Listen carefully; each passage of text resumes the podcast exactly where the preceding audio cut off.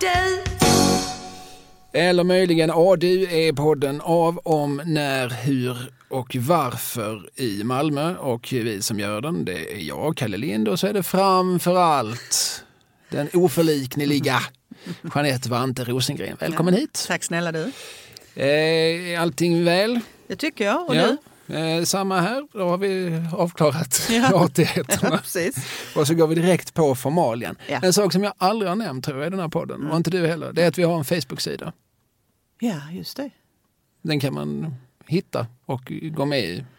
Så, Och önska kanske. ja, saker. där kan man kommunicera. Ja. Kommunikation är ju viktigt. Ja, det är det. Oerhört viktigt. Att vi människor har, de mellanmänskliga relationerna bygger väldigt mycket på liksom förmågan att kommunicera. Mm. Eh, Ett annat sätt att kommunicera det är ju att man ställer frågor i anslutning till att man ändå eh, donerar pengar.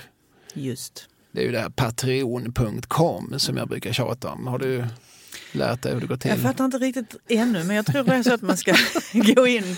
Du går in på patreon.com Ja. och så, så skriver du in i något sökfält där ADU-podd. Mhm. A-D-U-P-O-D-D. Och så dyker det upp och så kan man där då liksom eh, lägga in en slant. Alltså, Så det blir är- det som en prenumeration. Du prenumererar kanske på någon tidning. Mm. Du prenumererar kanske på Land. Inte just land kanske, men Nej. En och annan annan. Ja, men det är samma princip. Ja. Eh, fast det är då helt frivilligt. Och så finns det också ett, eh, ett fält där, som man kan ställa frågor till oss. Eller komma med förslag eller liksom kommunicera. Återigen kommunikation. Mm. Vi har fått ett par eh, Patreon-meddelanden. Ja, vad kul. Andreas Johansson, han har en fråga. Den kanske du kan ta på uppstuds. Annars får vi återkomma. Vi pratade ju i förra avsnittet om de som gett namn åt Malmös gator. Ja. Han skriver, hej, på tal om Agnes gator. Agnes Lundsgatan Mm. som går mellan Nobelvägen, alternativt Nobelvägen, Mm. och Östra Fa- Farmgatan, alltså längs Paulis södra kyrkogård. Just det, Östra Farmvägen. Ja. Mm.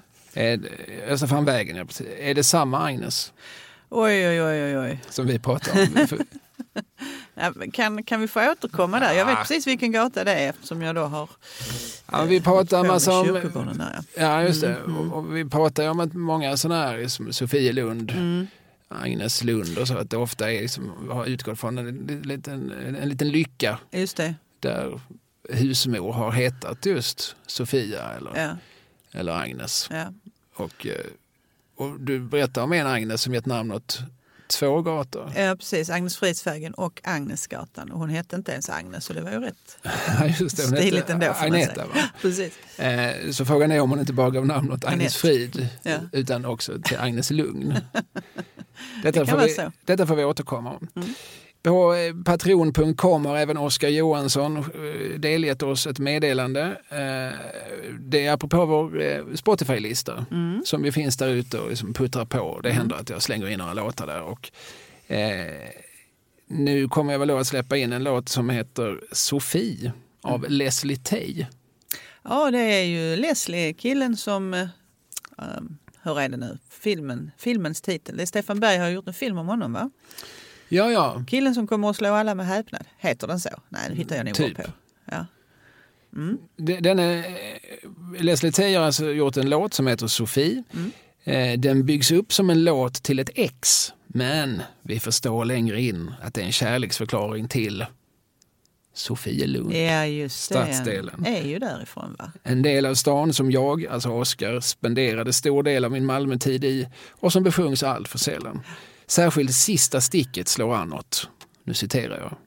Jag har varit din videung, saknar och jag älskar dig. Du och jag, Sofielund. Hälsningar, din Leslie Tay. Ja, det var fint. Mm. Det här kan man alltså göra om man går in på patreon.com. Man kan också mejla oss på adupodd gmail.com. Det är inte säkert att vi svarar då. Nej. Men eh, sätter man in pengar samtidigt då får man svar. Mm. Vi är enkla människor. Precis, och sen så har vi pratat om att det är lite krångligt, eh, Patreon och bla bla bla och det är multinationellt och hitan och ditan. Då kan man swisha. Mm. Papper och penna. 123 052 10 88. 123 052 10 88. Kan man sätta in en krona? En krona kanske man inte kan. Det kostar en krona att swisha. Va? Eh, jag vet inte. Eller är det den som tar emot som får betala en krona? Inte. Det är någonting som gör att, eh, men två kronor kan man sätta in. Ja. Eller 2000, bestämmer man själv. Eh, ja, vi ska gå över på veckans ämne. Jag bara såg en, en rolig grej. Eller, jag vet inte hur kul den var, men lite, det var någonting som fick mig att bli lite... Jag följer då ett konto som heter Sydsvenskan understreck kulturretro på Instagram. Ja. Där de lägger upp eh, fina bilder från eh, Sydsvenskans bildarkiv. Mm. Det är inte alltid men ofta Malmö-relaterat. Eh, och här är en bild på Östra Förstadsgatan 10. Jaha. Eh, det är alltså ett hus med en tobaksaffär på bilden. Och, och den väldigt lakoniska texten lyder så här. Östra Förstadsgatan 10. Här avslöjades en illegal spritfabrik i slutet på 1970-talet. Huset revs i början på 1980-talet. Var det ena det följde av det andra då? ja, men det kändes som att det fanns en historia här på något sätt. Det är ett ganska eh, bedagat hus när det då är plåtat någon gång, i, som jag gissar, i slutet på 70-talet. Eh, men jag tyckte det, det fanns någonting, spritfabrik, ja, det, det, det är det gamla Malmö. Det är lakoniskt och Ja, eh, precis. kort kärnfullt. Det är så vi jobbar här. Men eh, kort och kärnfullt är ju inte temat för dagens ämne. Nej. Utan lång och eh, emellanåt kanske till och med lite långrandig. Mm. Om jag ska vara lite salt. Lasse Holmqvist. Ja, en, eh, en, en av de stora i alla bemärkelser Malmöprofilerna. absolut. Jag tänker så här att eh, i min barndom så tror jag att han var ungefär lika närvarande i mitt liv som min mor. Alltså det gick ju inte en vecka utan att man satt och såg honom på tv. Nej, och du kanske också såg honom på stan ibland? Ja, det gjorde man ju. Och han var ju i olika sammanhang och invigde saker och berättade om saker. Och, ja. Han Fanns. syntes och Ja, hördes. var på MFF och sjöng och sådär. Mm. Han eh, var ju liksom Mr Television. Alltså, jag skulle nog säga att efter Lennart Hyland så var han vår mest eh, tv-man. Mm. Eh, och var ju med från absoluta begynnelsen. Han föddes 1930 tror jag. Mm, på nyårsafton. Så där. Mm. Eh, och växte upp i Osby. Eh, Innan vi kommer till Osby. Ja. Jag tänker så här, för den som vill luffa i Lasses spår i Malmö. Så faktiskt så bodde familjen första året på Sofiagatan 10 Mm.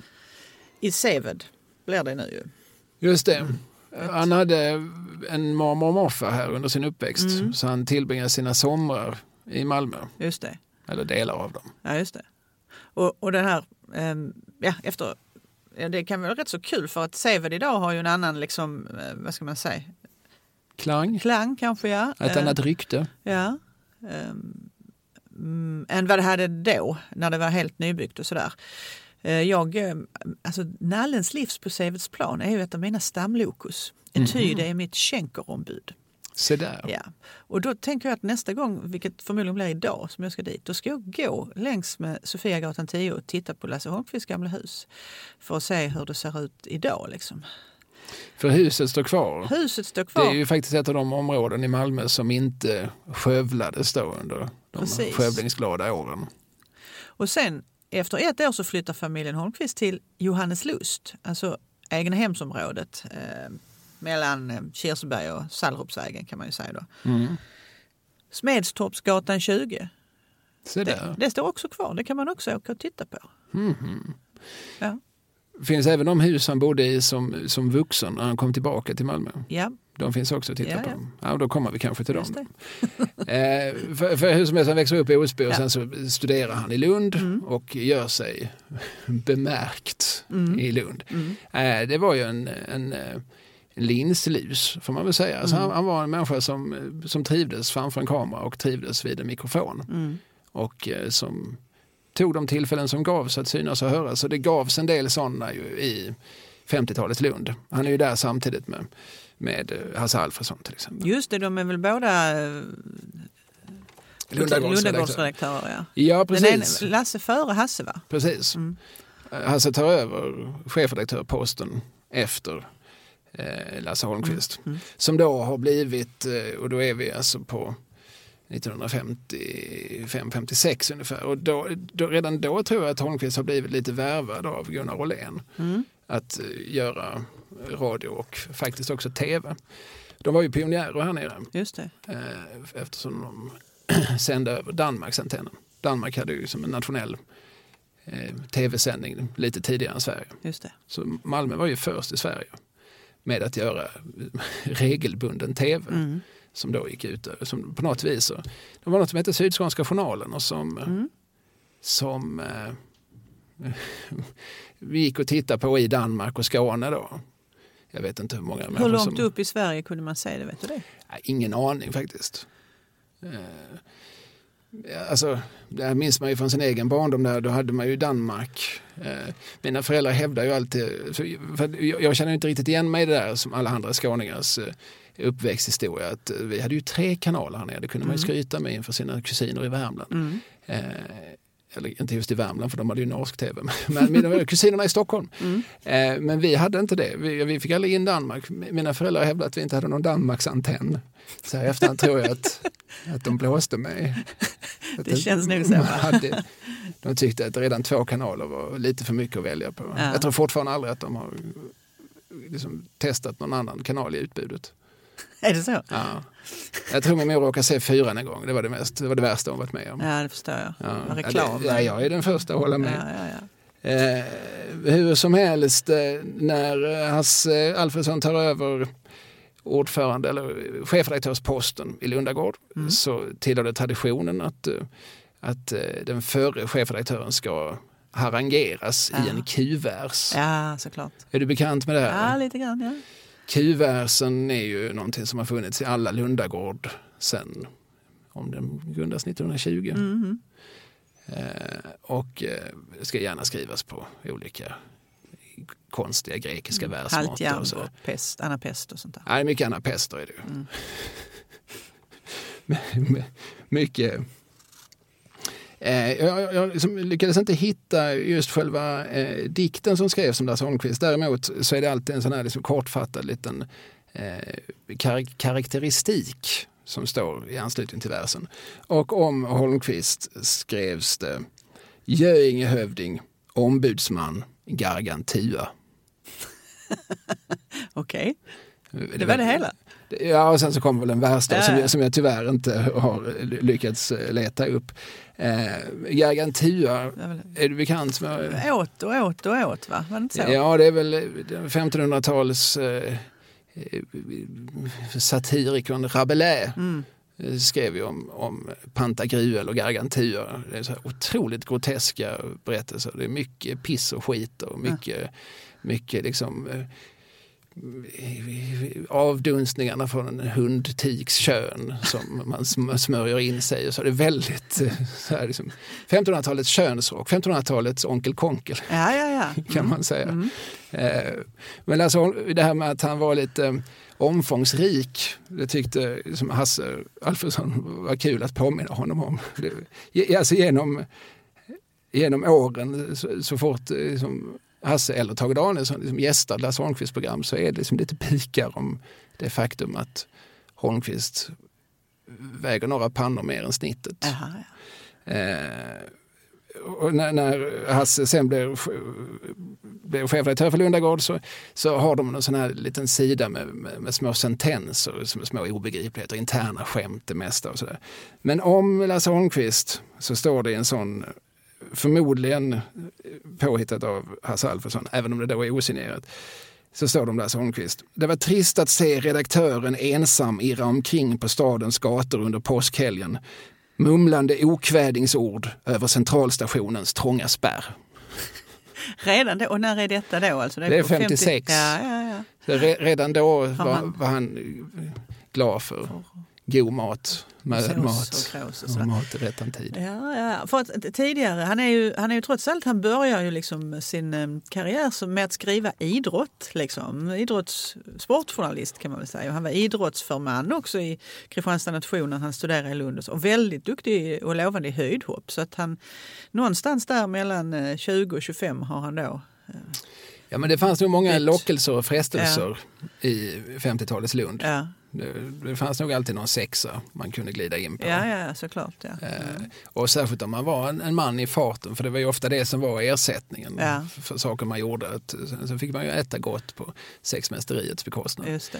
Och det var nog i egenskap av någon sorts kommentator. Jag för mig detta att, att eh, Lasse Holmqvist kommenterade någon, om det handlar om rodd. Jag tror det var så här, liksom, de var inspirerade av Oxford universitetet. De skulle ha så kapprodd mm. på Helgeå är det väl som flyter genom Lund.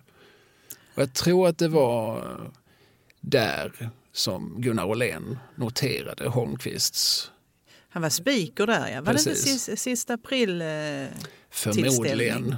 Förmodligen. Ja. Det, det gillar de i Lund. Ja. Det som övriga landet kallar valborg, ja. det tycker de. Kan de inte säga det? Nej, nej utan då ska det hända saker. Ja. Då ska det vara tjo och kim. Mm. Och invaderar fortfarande 30 000 studenter Stadsparken mm. och lämnar efter sig en, död och förruttnelse. Ett, ett, ett, kaos. ett kaos. Men det var väldigt innovativt här om året när de då la ut hönsgödsel för att man på grund av pandemin inte skulle ha öppet. Liksom. Ja. Det tyckte jag var roligt. Ja, precis. Det drabbar många. Andra som ja, inte precis. är studenter. Ja, då blev det så. Ja, ja, ja. det var så det fick bli.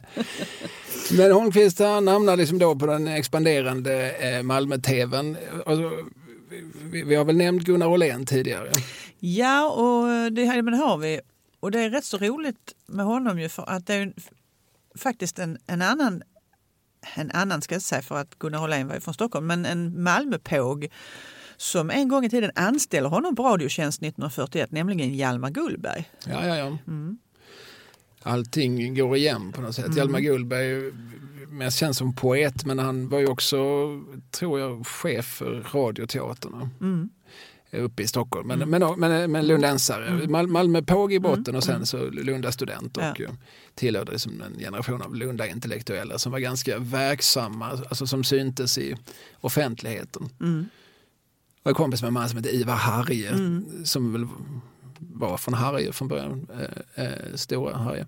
Eh, de två, Ivar Harje blev chefredaktör för Expressen mm. 44 men, men eh, de två översatte Aristofanes Lysistrat som spelades på Dramaten på 20-talet. Alltså de, mm. Men, men eh, den sorten, alltså, de syntes i tidningar och de syntes inte bara inom akademin så att nej, säga. Nej, nej. Eh, ja, men, så Holmqvist är här och han är nog i princip Gunnar Åhléns ende eh, anställde på tv-sidan. För att radion ligger ju redan då på Balsarsgatan 16. Just det. En legendarisk adress. Jag har själv gått in och ut genom de portarna många, många gånger. Mm. Eh, och, eh, och där, i, mer eller mindre i något hörn av huset, så börjar liksom Gunnar Åhlén, helt utan att egentligen ha förankrat det hos Stockholmscheferna, att bygga upp en liten tv-studio. Och, och där blev liksom Holmqvist väldigt fort bekväm. Just det. Och, och det här programmet som, som folk som är äldre än du och jag minns Eh, ganska väl som heter Bialit. Mm. Det tror jag började sändas redan 61. Mm, mm, just det. det är ju tidigt alltså. Alltså vi ska förstå att alltså, Sveriges Radio som koncernen heter, de, de börjar så smått att sända tv på hösten 56. Mm. Och jag tror det börjar göras med liksom en större regelbundenhet 57. Då kommer det Kvitt eller dubbelt med mm. mm. Nils-Erik Bärens. Mm. Ulf Hajen Hannertz tävlar i akvariefisk. och då begreppet slamkrypare uppstod. Men det kan vi ta i en annan podd.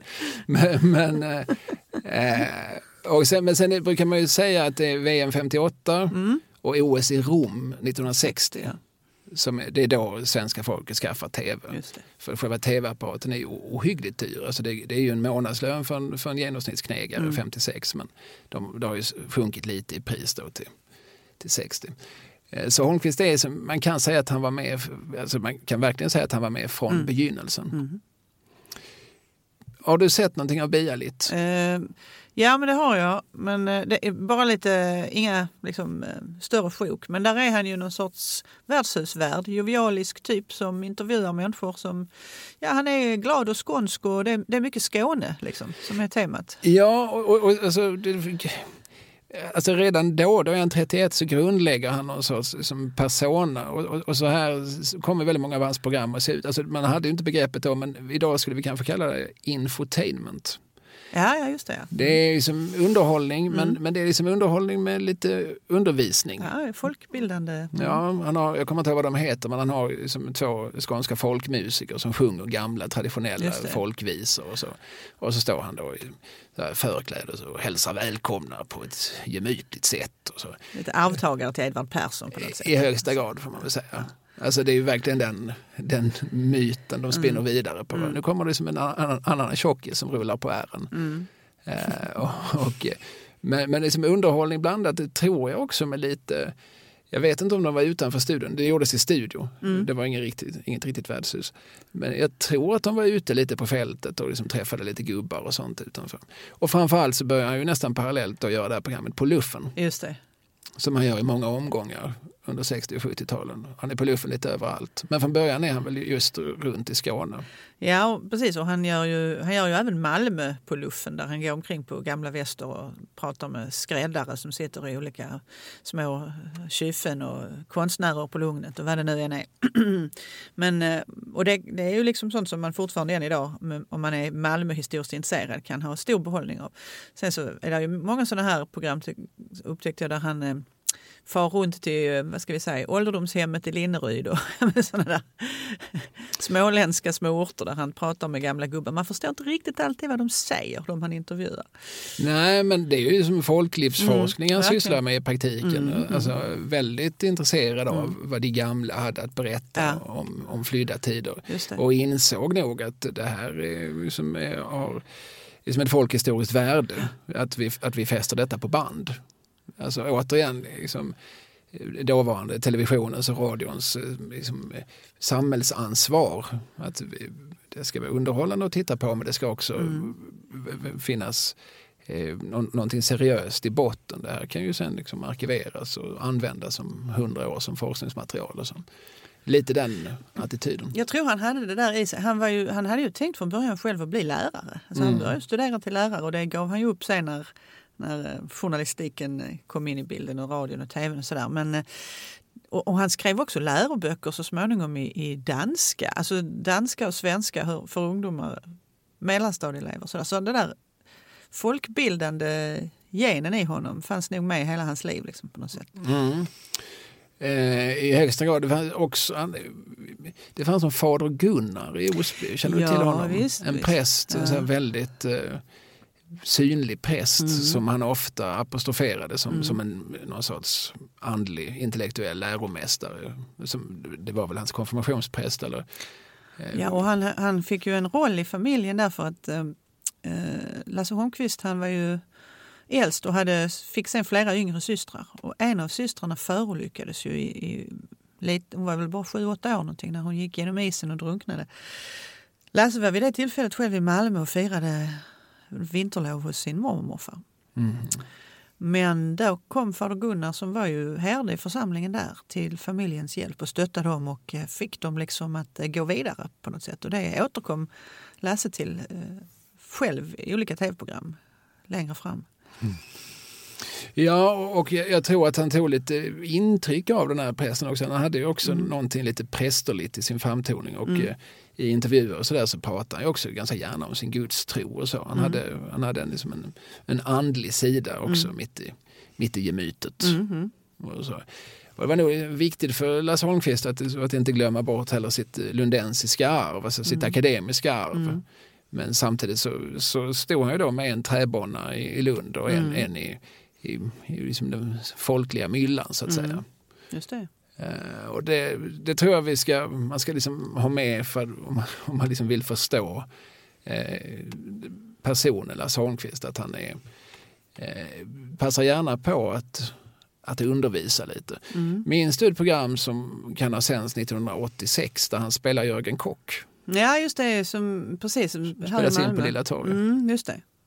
Um, jag, jag minns det från då. Ja. Jag var 11 mm. år. Ja. ja. nu, är det visst, nu är det underhållning, för Lasse Holmqvist signalerar liksom underhållning. och så, jaha, nu har han en rolig peruk. Och... Ja. 1500-talskläder helt plötsligt, ja. Ja, men, men det var någon sorts, jag tror det var någon sorts firande Så, så, någon sorts jubileum, kan det ha varit? Ja, Som? det kan det väl ha varit något... eh, Har vi något startår för Malmö? Alltså, Mm, eh, ja, när är det nu? Brukar man säga 1259 att det finns eh, skriftliga belägg från när eh, ja, det är någon norsk kung som lägger till, har något skepp här. Jag kommer inte riktigt ihåg det där. Men, nej, men jag tänker Göteborg har ju ett jättetydligt startår. Ja. De har ju sagt 1621. Va? ja, Eh, då grundade Gustav II Ja. Adolf Göteborg. Så nu, nu är det då Ja. Göteborg blev till. Eh, och, och, under min levnad har väl både Lund och Helsingborg firat 900-årsjubileum. mm, Men Malmö blev jag plötsligt osäker på om det finns något sånt officiellt startår. nej, jag tror inte det. Nej, och det var inte därför Lasse Holmqvist gjorde det här programmet där han spelade Jörgen Kock 1986. jag Utan vet det var liksom folkbildning apropå något. Och jag tror Sven Rosborn var väldigt inblandad som var väl museichef vid tillfället. Så. Säkert så. Man hade, man hade ju eh, några autentiska miljöer där. Jag minns en, man släppte ut några, några svin på Östergatan utanför Jörgen Kocks hus och så var Lasse där. Och, ja, det var olika miljöer helt enkelt. Men jag har bara sett det då och där så jag minns inte riktigt eh, kontexten. Undrar om det finns att se i sin helhet. Alltså någonstans finns det nog. Det Mm. finns ju sparat på SVTs arkiv. Mm. Men eh, ligger det inte på öppet arkiv så är det svårt för oss vanliga dödliga att komma över det. Mm. Då ska man ju ha någon forskning, Just det. sa jag nu inom citattecken. Jag har själv utnyttjat eh, svensk mediedatabas med- under förevändningen forskning, Mm. både en och två gånger. Så att det, går eh, förmodligen. Ja. Men det, det, man måste sitta, man får liksom en DVD skickad till sig från Stockholm och sen ska man sitta i ett litet bås på orkanen ja, och det. titta. För, det. och får absolut inte lov att kopiera något ljud eller så. Nej. Så, så brukar det vara med det som är eh, SVTs. Mm. Ja.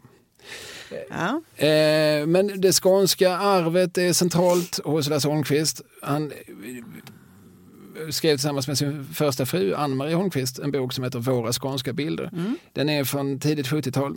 Var bor de då? För jag gissar att du Ja. har hans adresser framför dig. Ja, jo, men eh, jag tänkte ju det kan vara kul att gå en, en runda i Malmö i Lasse Holmqvists fotspår. Han gifter sig med Ann-Marie just 1957. Då, då flyttar han tillbaka till, till Malmö som ju han då inte har bott i sedan han var fem år gammal. Och då flyttar de till Västra Rönneholmsvägen 74A.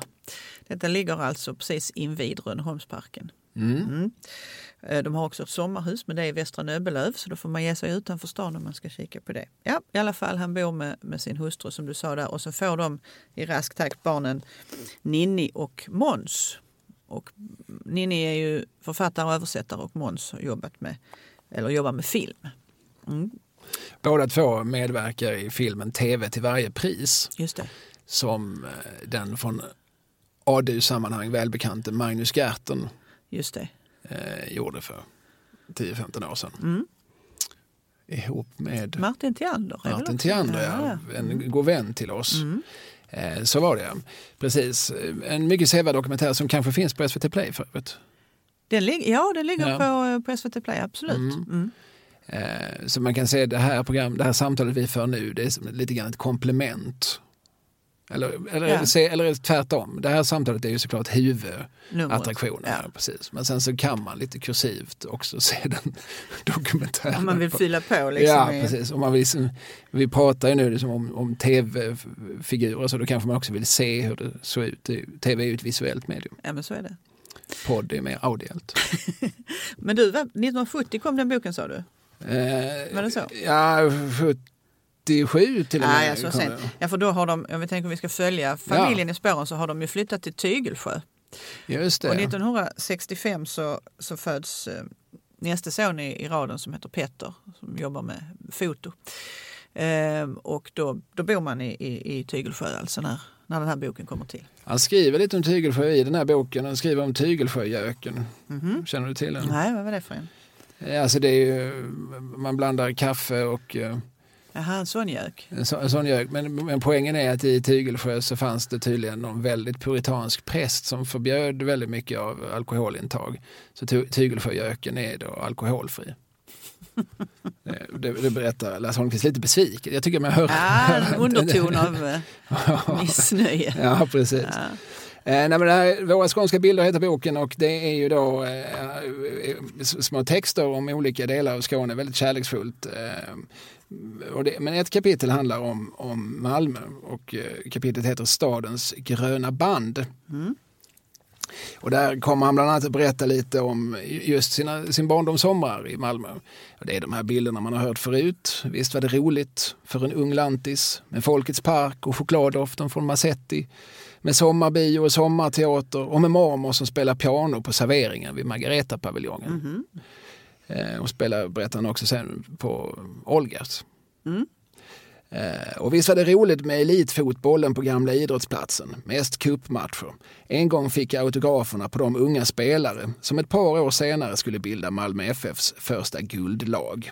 Idag är de alla legendariska och flera av dem sitter i klubbens styrelse. Jag var 11 år den gången och det kan inte vara svårt att förstå att jag är mycket stolt över att idag sitta i samma styrelse. Just det. Eh, och så berättar han, jag minns förresten den gången att en av spelarna, medan han skrev sitt namn i mitt block, sa Spring ikapp farbrorn i den långa rocken där borta. Hans autograf måste du också ha. Det var utanför omklädningsrummen till tennisbanorna jag hann upp honom. Och som om det vore igår minns jag hans förvåning. Ska jag skriva autograf? Men han gjorde det med stor vänlighet. Jag hade ingen aning om vem mannen var och kände inte till namnet. Nu gör jag det. Vet du vem det var? Ja, det har väl, kan det ha varit Erik Persson? Det var Erik Persson. Ja. det var hövdingen. Ja, men så det är liksom ett, en, en, en, en minne han har från, från sin barndom då på 30-40-talet. Eh, och, och, och visst var det roligt med Danmarksbåtarna trots att det var krig. Och ribban eller baden i Sibba. Ja, det är de här traditionella mm. bilderna. Mm. Eh, men han skriver också eh, alltså, i någon sorts nutid då, på 70-talet att han eh, då tillbringar de sina somrar familjen ute på landet. Och han då flyr han lite grann Malmö. Men han är tillbaka för att han nu har något jobb här. Mm. Och då går han med en kamrat och så beskriver, de, eller beskriver han hur, liksom hur de går, hur länge de kan gå från grönområde till grönområde. Eh, så det är som en hyllning då till Malmö, mm. parkernas stad. Över Pildammsparkens konstgjorda kullar, förbi just Margareta-paviljongen där mormor spelat, ut med den prunkande Blomstergatan, längs stora och små dammar från 1914 Eh, och när vi stod under en mjuk och vänlig hängpil och tittade på vattenfåglarnas långsamma färd under brovalven hördes en spröd pianoton från Olgas café på andra sidan dammen. På den tiden när mormor spelade här på 30-talet. Så parken likadan ut som idag, men bilden i sin helhet var ändå en annan. Alltså en väldigt eh, romantisk ja, skildring ja. av av Malmös gröna band. Och det är lite fint det där för när han skriver om den här hängpilen, han ligger ju faktiskt själv, han vilar ju på, på Limhamns kyrkogård under just en hängpil. Jaså. Vilket inte är helt vanligt i, i kyrkogårds-Malmö. Mm. Ja, och sen så berättar han att han, han, han går där med en kamrat som till skillnad från Lasse då ser till att vara i Malmö på sommarna. Mm. Som menar att det är då man ska vara i Malmö. Mm. Eh, och eh, kamraten eh, har såklart också med sig bröd som man kan ge till, till änderna och svanarna i, i, i Pildammsparken. Jag skriver ett stycke dialog här. Eh, vännen säger om en ensam svan då, hon är hungrig. Hur vet du att det är en hon? sa jag. Endast en kvinna kan vara så vacker. Ja. ja. Nej, och sen så kom, kommer han sådär, det här är sådana flanörprosa så han kommer ju som associerad till eh, Erik Asklund, den gamla arbetarförfattaren. Han har skrivit i sin bok Ynglingaresan. Eh, har han skrivit någon sorts hyllning till, eh, till Malmö som han citerar. Eh, och, eh, och så kommer han såklart in på Hjalmar Gullberg och Näcketergalen och, mm. Och Slottsparken och, och eh, kronprinsen och så här. Alltså, man ser en, en sorts eh, eh, Malmö-kärlek och så skriver han där Malmös parker når fram till sundet kan man verkligen tala om historiens vingslag, även utan att gå tillbaka till Hedenhös. Härifrån kunde man, med god syn vid god sikt, se både slaget vid Svolder och det slag i Kögebukt mm. som för gott grusade danskarnas förhoppning om att återta Skåne. Mm. Ja, men det här är ju en, eh, han är väldigt historieintresserad. Han är också en mycket bildad människa. Ja, absolut. Mm. Eh, och, och, ja, det, det är väl kanske jag tror en del av oss, åtminstone 70-talister, vi minns Lasse Holmqvist som egentligen enbart från Här i ditt liv. Mm, mm. Men det här kanske ger lite mer mm. eh, lite fler nyanser, lite fler facetter av det, ja. vem Lasse Holmqvist var. Att han hade ju också, som, som vi har sagt nu, det här lite akademiska, lite bildade. Lite Sten Bromanska, Ja, lite eh, Franske Bengtssonska. Just det. Och det finns en, jag har ett citat här från Gertrud Hemmel. Mm, en kollega till honom på Malmö TV. Just det, som, eh, som också skrev mycket material va, till... Det gjorde hon, alltså hon var ju med i Ja, Helt apropå-redaktionen ja. och eh, var ju då tillsammans med Anders Albin så, så, så bidrog hon ju då med, med text. Men det var också hon som gjorde Ingvar Carlssons röst. Ja, var det det? Alltså, de, Ja. Ingvar Carlsson gjordes i form av en sko med glasögon. Just det. Men han pratar ju, och det var ju Gertrud Hemmel som, som, som gjorde rösten. Se där. Ja, men hon skrev, och de var ju kompisar redan från 50-talet då, så hon, hon, eh, en liten liksom bara en, eh, en tillbakablick. Då skrev hon så här, en kårdansunderhållning med den i 50-talets Lund ganska okända kabaréartisten Lulu Ziegler Mm, höll på att saboteras av en stökig publik. Aldrig ska jag glömma hur Lasse, smidig som en jättepanter, gled omkring bland beskänkta studenter och genom sin blotta närvaro fick dem att tystna. Det säger ju också någonting om hans personlighet. Liksom. Ja, jag ser inte den här pantersmidigheten framför mig när jag visualiserar honom. Men en auktoritet Ja. tro, tror jag han var väldigt tidigt. Jag tror inte han behövde höja så mycket rösten utan han liksom hade en förmåga att um, få folk att göra som han uh, ville att de skulle göra. Kanske. Men, och, och har man då även fysiken på sin sida, han var nog 1,95. Ja, säkert. Det. Det var ju, han, han var som sagt stor i alla Mm. tänkbara bemärkelser. Mm.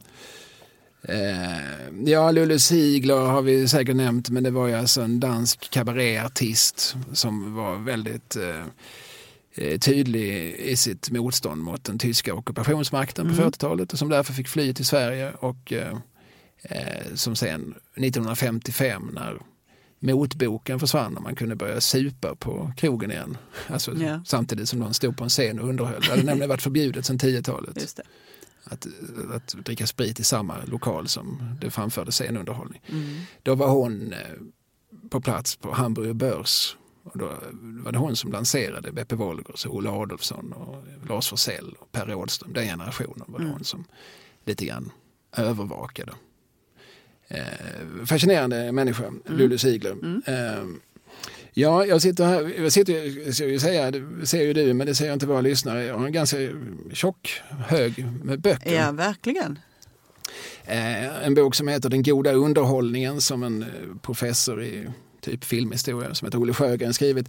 Det är, han går ju igenom all svensk tv-underhållning så att allting blir ju ganska rapsodiskt. Men han skriver just om mm, om Bialit följande. Från 1961 bjöd Malmö TV på skånsk skivargård i Bialit. Eller Zum Alten Bock, nej förlåt, efter Zum Alten Bock i München. Tydligen det program som de lät sig inspireras av. Eh, med dess folkdans, allsång och roliga historier. Den svenska tv-värden, Lasse Holmqvist, var lundensare och lyfte fram ett etnologiskt festperspektiv. Han har, han har senare liknat sin matglada framtoning i träskor vid en Edvard Persson med fil. kand. ja. Eh, vilket är en, en, en god karaktäristik tror jag. tror det som, ska vi förstå Lasse Holmqvist, han var en Edvard Persson med fil. kand. Så såg han sig själv, så ville han ses. Men, och, och, de, de bor på Västra Rönneholmsvägen och sen Eh, Ja, då flyttade de till Tygelsjö ju. Sen bor de till Tygelsjö ända fram till det att eh, Lasse då... Och det här handlar ju om när han träffar Britt Bass. Ja, Okej, då är Ja. vi inne på 80-talet. Ja, så de, de bor i Tygelsjö Ja. under 70-talet. Ja. Och under hela 60, 70, 80-talet så är han ju liksom Malmö-TVs absolut tydligaste profil. Ja. Och eh, han gör de här på luffen-programmen. Mm. Och han gör något som heter På parkett. Ja, de, de här, många av dem ligger alltså på öppet arkiv så man kan med fördel gå in och titta på dem. Och på parkett kan man säga att det är lite grann en sorts eh, förstadium till Här i ditt liv. Ja. Principen är att man bjuder in, eller han, han bjöd in en gäst, Mm. till exempel Ingmar Bergman. Mm. Och sen fick Ingmar Bergman välja två gäster själv. Mm. Då var Olle Bergman Elisabeth Söderström, Mm. operasångerska och Povel Ramel, underhållare. Mm. Bergman såg ju själv att det här blir bra tv. Det här blir ju liksom intressanta möten. Just det. Eh, och så. Eh, Just Bergman var, har man förstått, de ytterst få gånger han ställde upp att vara med i tv så tog han ganska snart över själva produktionen. Ä- Även Lasse Holmqvist fick någonstans, för, nu, mm, Ta ett steg tillbaka. jag har mött min överman. Ja, ja. Här är någon med ett ännu starkare kontrollbehov. Ja, men det, var, det, och det fanns ett, ett väldigt roligt program också där Simon Spies är huvudgästen. Mm. Där han väljer eh, då, um, Lill Lindfors Mhm. och Margareta Krook Ja, som em, flankerar honom då. Och eh, de, gör, de här gästerna gör ju också nummer emellan. Alltså de sjunger och agerar och har sketcher och vad det nu är. Men Simon Spies han ser ut att njuta omåttligt när han satt mellan dessa två. ja men. Simon Spies var ju väldigt öppen med att han tyckte om Daily Pia. Ja, ja, det var ingen större hemlighet. Eh, ja, honom kan vi prata mer om någon annan gång. För Ja. Öppnar vi den dörren så kommer vi aldrig ut. Eh, på paket, man förstår också att, att de var väl, eh, det gjorde han ju tillsammans med en, också en legendarisk Malmöproducent som hette Bengt Roslund. Just det. Som nog till och med var längre än Lasse Holmqvist. Ja, också oerhört lång man. Ja. Han gick ju bara bort nu för något år sedan. Ja, ja, I hög ålder. Mm. Och han eh, levde tillsammans med Inga-Maj Hörnberg, Mm. känd som Skurts röst och arm. Just det. Eh, och han producerade parallellt eh, Lasse Holmqvists nöjesprogram, Nils Poppes Fredriksdalsteater och en massa religiösa program. Ja.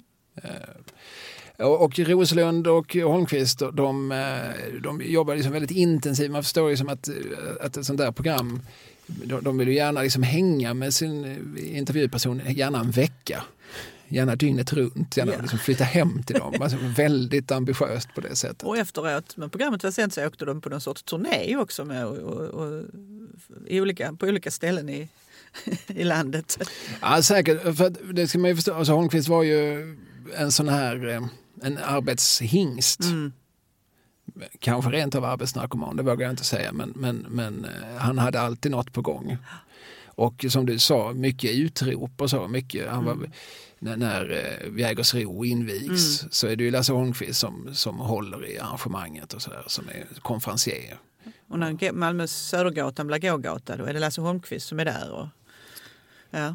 Och, och, och mycket sånt hela tiden. Och, och, och under vissa perioder på 80-talet så hade han ju också, alltså som inte televiserades utan någon talkshow tror jag på, om det kan ha varit på Kronprinsen eller om det var Mm. på Kramer kanske. Men, men alltså där han gjorde liksom intervjukvällar eh, inför en krogpublik Mm. och sådär. Eh, liksom alltid många järn i elden. Mm. Eh, Det finns ju lite roliga saker som man har på sitt, sitt eh, stora CV. Eh, har du hört hans insjungning? Han spelar in en liten skiva. Nej, vad sjöng han då? Jag har skaffat mig en vän, Jaha. heter sången. Nej. Det är alltså en kärlekssång till, en, till Kockums grävmaskiner. Har denna gått dig förbi? Ja, det var ju en hel... Nu har jag en jättekunskapslucka här. Hör jag. Nej, jag kan citera lite ur Mm, texten. mm. Jag har skaffat mig en vän som gör plats åt kärleken. Hon är som en kameleont, ömsom grus och ömsom spont. Hon spinner gott när munnen full hon fått av sprängsten och rullstensås. Detta sjunger alltså Lasse Holmqvist. Och, och den här, en singel, eller EP? Eller vad Hon är så graciös med stora vackra tös. Ja, det var en singel som alltså gavs ut av Kockum Landsverk. På A-sidan sjunger Lasse Holmqvist Jag har skaffat mig en vän. På B-sidan har vi spåret Lasse Holmqvist pratar grävmaskiner. Alltså detta är nästan bättre än, än Tacka vet jag mjölk och mackor med Hasse Andersson. Ja, det är det inte. Jag har hört Eller? båda låtarna. Jag skulle föredra Kvinnaböske alla dagar i veckan. Ja. Tack, jag vet jag mjölk och mackor. Det går inte av för hackor. Brunsås ska det varit i söndagssteken. Jag vill ha fett på min kotlett i kaffet, en liten gräddeskvätt och extra klick med smör i kagesmeden. Ja, nej men den... eh, Mannen med fyra järnhalvor. Ja, nej, men sin kvinnaböske kan man. Ja, men den, eh, den kom någon gång 67 tror jag han spelade in Ja. den här eh, eh, Och det var säkert ett välbetalt extra knäck för Kockum. Eh, det är jag som själv har haft lite med public service att göra. Jag är lite fascinerad av hur mycket samarbeten han kunde ha med kommersiella aktörer. Mm. Eh, känner du till också det här som sker inför valet 64? Att eh, Sydsvenska redaktionen, alltså valgrenarna, de, de piskar ju på att de då för tiden tre borgerliga riksdagspartierna Centern, Folkpartiet och Högerpartiet att de ska liksom, ha en gemensam lista alltså för att då bilda liksom ett seriöst eh, alternativ till Socialdemokraterna. Och det heter en allians med, redan då alltså? Ja, Medborgerlig Samling heter det här initiativet som kommer från skånskt håll och som de propagerar för väldigt mycket på Sydsvenskans ledarsidor. En av valgrenarna, fadern Olof eller Christer, satt också i Malmö kommunfullmäktige. Kunde man göra på den tiden. och, och Eh, och det, här gör man från skånskt håll. Alltså, så tar man fram riksdagslistor med varvade namn. Alltså med en, på samma lista står det som överst en högerpartist, en folkpartist och en centerpartist. Och ett par av dem kommer in i riksdagen vid det här valet. Det, ja. och, och då hålls det också något jättearrangemang på Jägersro. Där han, eh, den Bonnier som körde, körde rally, mm. Joja, mm. Joakim. Ja, precis. Ja. Joakim Joja Bonnier. Ja. Eh, han körde Formel 1. Och så. Han, han har lite uppvisning och sen så delas det ut gratis kaffe. Och så är Lasse Holmqvist konferencier för detta. Ja. För alltså ett partipolitiskt arrangemang. Oj, oj, oj.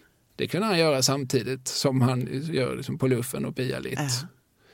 Det är inget som var märkligt med det? Nej. Jag tror att det har lite, jag tror att han hade, var i en gynnsam position just att han satt i Malmö.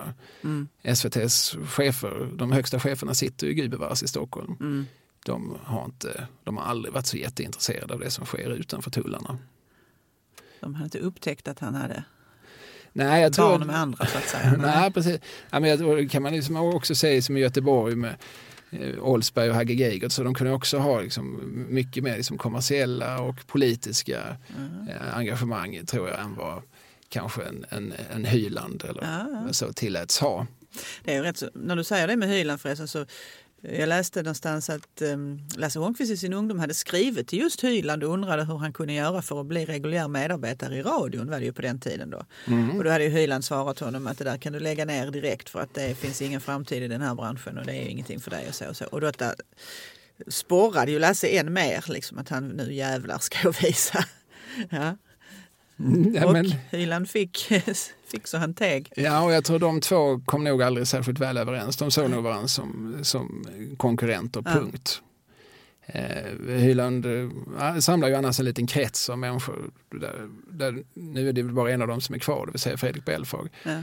Men Åke Strömmer och eh, Ingvar Oldsberg nyss bortgången mm. och Lars-Gunnar Björklund. Och, eh, ja, Tommy Engstrand och de här Plex och så. Mm. De var ju liksom Hylands pojke ja. så kallat. Men, men uh, Holmqvist var inte, och jag tror inte han var intresserad av att bli det heller. Jag tror han ville vara sin egen Hyland ja. och ha sin egen, sin egen tribun och inte liksom verka i skuggan av någon annan konung.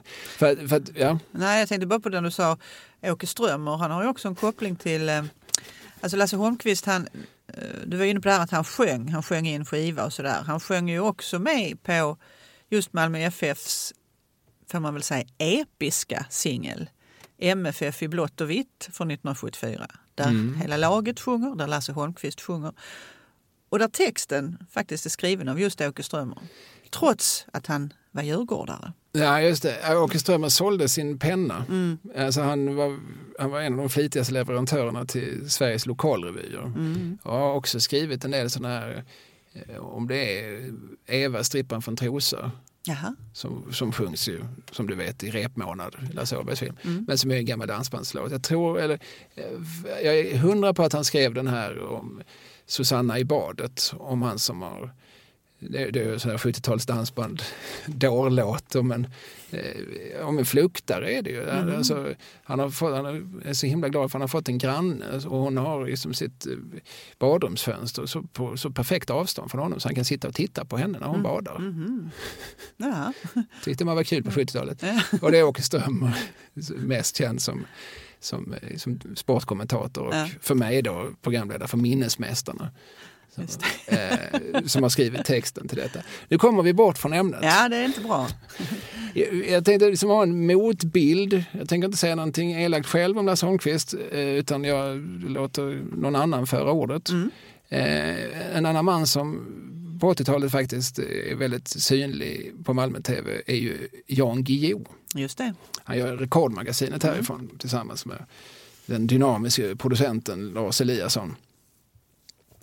Eh, och eh, Jan Guillou har skrivit väldigt eh, underhållande memoarer som heter Ordets makt och vanmakt. Mm. Och eh, så skriver han om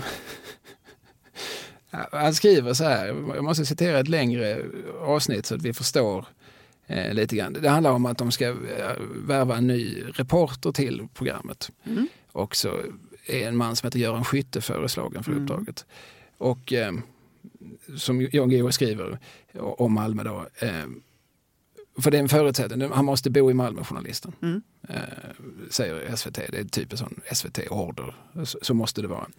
Eh, och där bodde Göran Skytte, då en av mina närmaste vänner. Mm. En väldigt giosk formulering. Mm.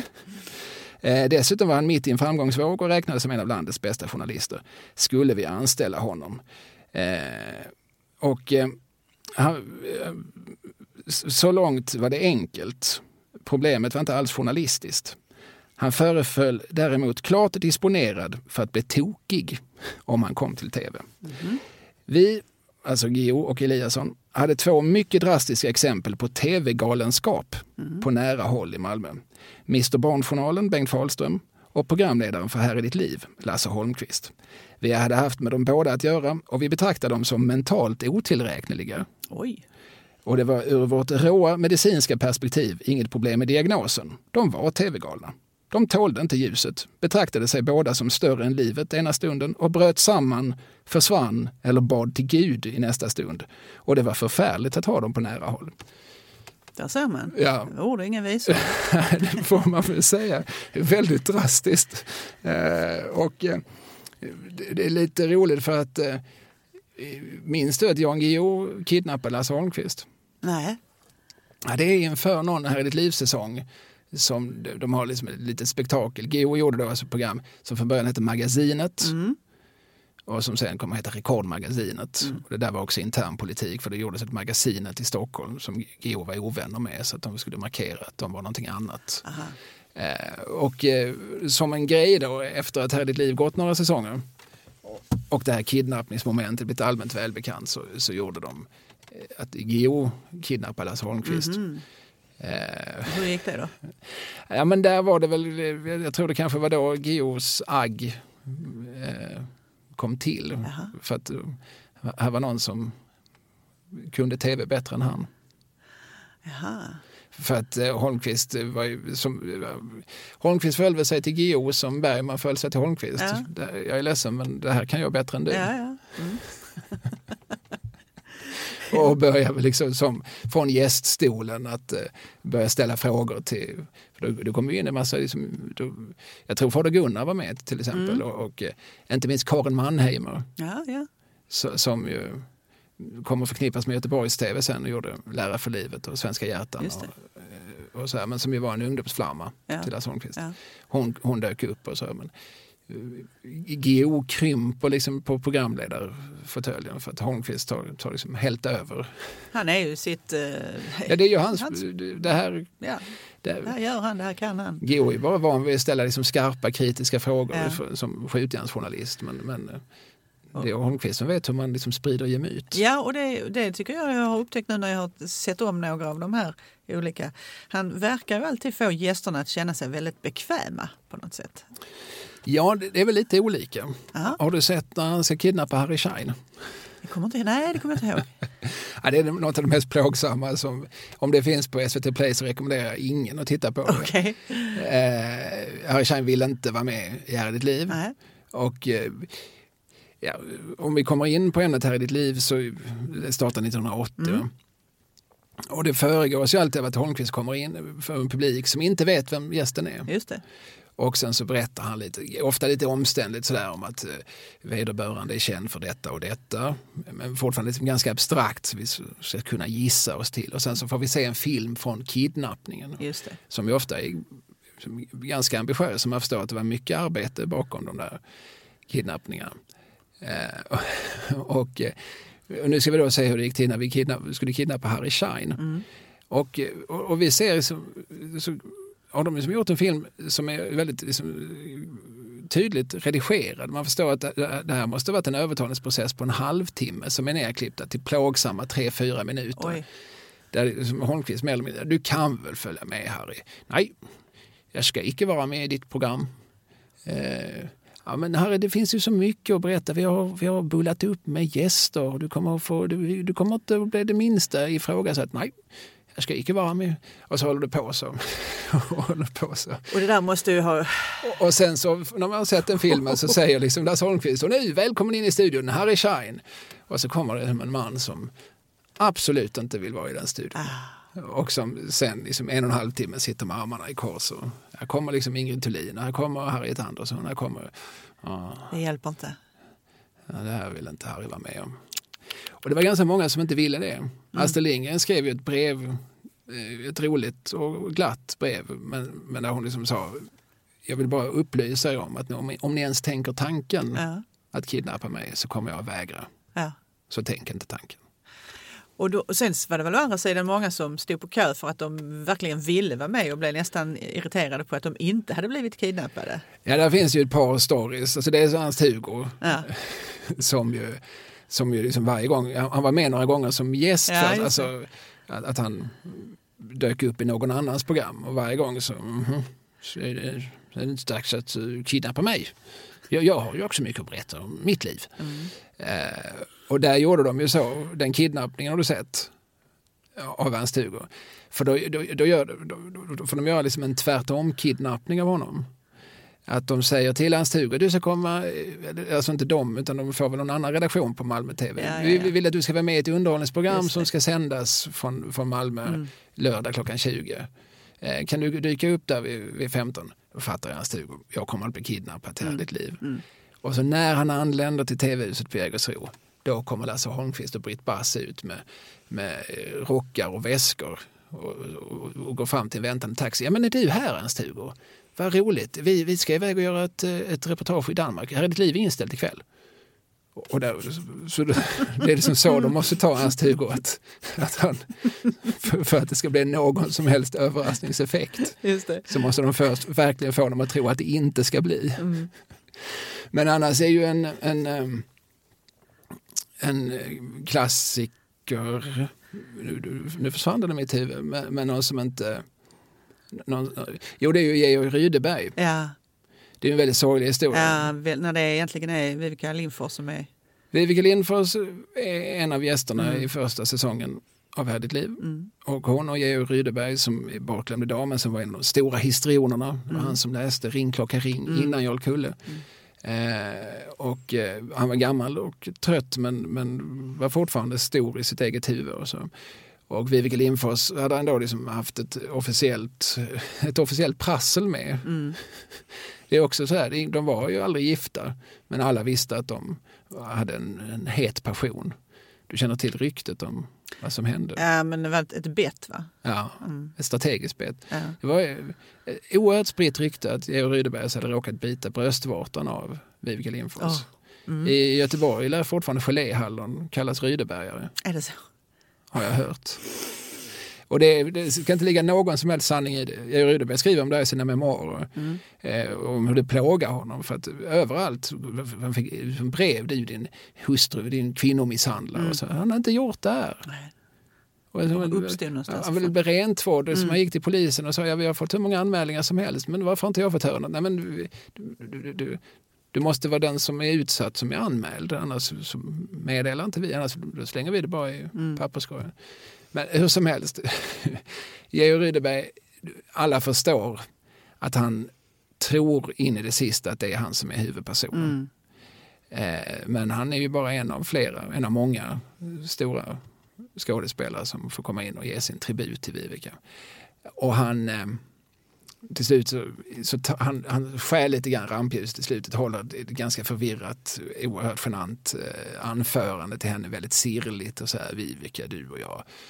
Eh, och, eh, och sen så berättar Lasse Holmqvist att sen försvann Rydeberg, de hade ju lite eftersits och sådär, mm. men nej, han skulle omedelbart ta tåget upp till Stockholm, nattåget. Sen kliver han på fel tåg hävdar Holmqvist mm. och eh, tvingas gå av i Hässleholm och sova på någon bänk där under det. natten. Fryser och blir sjuk va? Ja, och några veckor senare så hittas han död Mm. i sin lägenhet. Mm. Så det Ja. var liksom hans sista offentliga Mm. framträdande. Det var då han liksom fick, fick inse att det inte var han som var huvudpersonen. Mm. Ja, såklart så, så där blev det ju också. Men jag, jag tänker att det var ju ändå rätt så skickligt för det här sändes ju, det här var ju verkligen live. Det var mycket viktigt för Holmqvist att det skulle vara Ja, live. just det. Och, och inte bandat och sådär. Men den nerven, när man inte vet om hu- huvudpersonen lyckats, om man lyckas fånga in honom eller henne och om den också ställer upp. Det måste ju ha varit några timmar där av högt blodtryck hos Lasse tänker jag, och redaktionen. Ja, ja men vi kan prata lite om den här redaktionen. Vi kan ju säga att i redaktionen ingick bland annat Tony Kaplan. Mm. Legendarisk nöjeschef och nyhetsjägare på arbetet. Och det heter ju att det var en av de första. När de, efter att Holmqvist i 16 år propagerat på, uppe hos tv-ledningen att han vill göra det här programmet. Det berättar de i dokumentären. Jag tror hans son berättade att han Mm. avsatte en dag per år Mm, just det. enbart för att lobba för att vi måste Mm. ta in det här formatet. Eh, vad det nu heter på engelska har jag glömt. Men det, men det var This ju, is your life eller något ja, liknande. förmodligen. och så till slut så får han detta då eh, och det börjar gå 1980. Och eh, han... Eh, vad, vad, vad pratar vi om? Förlåt, jag tappar tråden. Ja, eh, Ja, om ja. någon gäst skulle inte vilja eller tacka nej eller den här nerven i att eh, det är direktsändning. Ja, nej, men det är väldigt centralt att det ska, ska vara så. Och, eh, jo, Tony Kaplan, jo, men det, då sätter de ihop en redaktion Ja. och det är liksom det första de säger är att vi måste ha med Kaplan i redaktionen för annars, annars kommer han att avslöja gästen varje, Ja. varje lördag. Alltså han kan, även om han förstår att det blir ett sämre tv-program så kan han inte låta bli. Nej. Han är liksom för mycket journalist. Så vi knyter honom till oss. Och, och motsvarande vad han nu hette på Claes Allan någonting på Kvällsposten. Lundin. Just det. Ja. Så de, de är med i redaktionen och det är, dels gör de ju såklart ett utmärkt jobb som researchers men, men framför allt är det för att de ska hålla truten. Med näsa för nyheter, ja just det. Mm. ja. Eh, Och eh, ja, Tony Kaplan gifte väl för övrigt sig, eller åtminstone sambo senare med Britt Bass ja det, det efter där, Lasses död. Ja. precis. I det allra första här i ditt liv så är Sven Tumba Mm. gäst. Och eh, då får Tony Kaplan i uppdrag av Lasse Holmqvist att du ska rota fram hans gamla flamma. Vi Mm. vet att han har en gammal flamma som hette, hette Britt som har gift sig och bor i USA. Leta upp henne. Mm. Men hur ska det gå till? Ja, du får väl beställa ner några telefonkataloger till USA. Hur det här nu går till. Men de lyckas spåra henne. Kaplan tar det som en utmaning. Det här är innan internet ungdomar. Ja, det nu är det te- telefon. Excuse me, Ja. is you the, Brit who dated Sven Tumba in the 60s? No, I'm not. Okej, nästa britt på listan. Ja, Jag vet inte hur det här gick till. Men, men eh, hon kommer i alla fall och, Mm. eh, och det, Tumba tycker det är trevligt att återse henne men framförallt tycker Holmqvist Mm. att det är trevligt att träffa henne. Mm. Och eh, de, de blir ett par och det blir skilsmässa hos Holmqvist och sådär. Och, då, och sen så är de ju väldigt tajta, gör mycket program tillsammans, framförallt mycket liksom, USA-skildringar, Just det. både i tv och i bokform. Jag tänkte faktiskt eh, interfoliera här med en, eh, när, när du kommer till det här.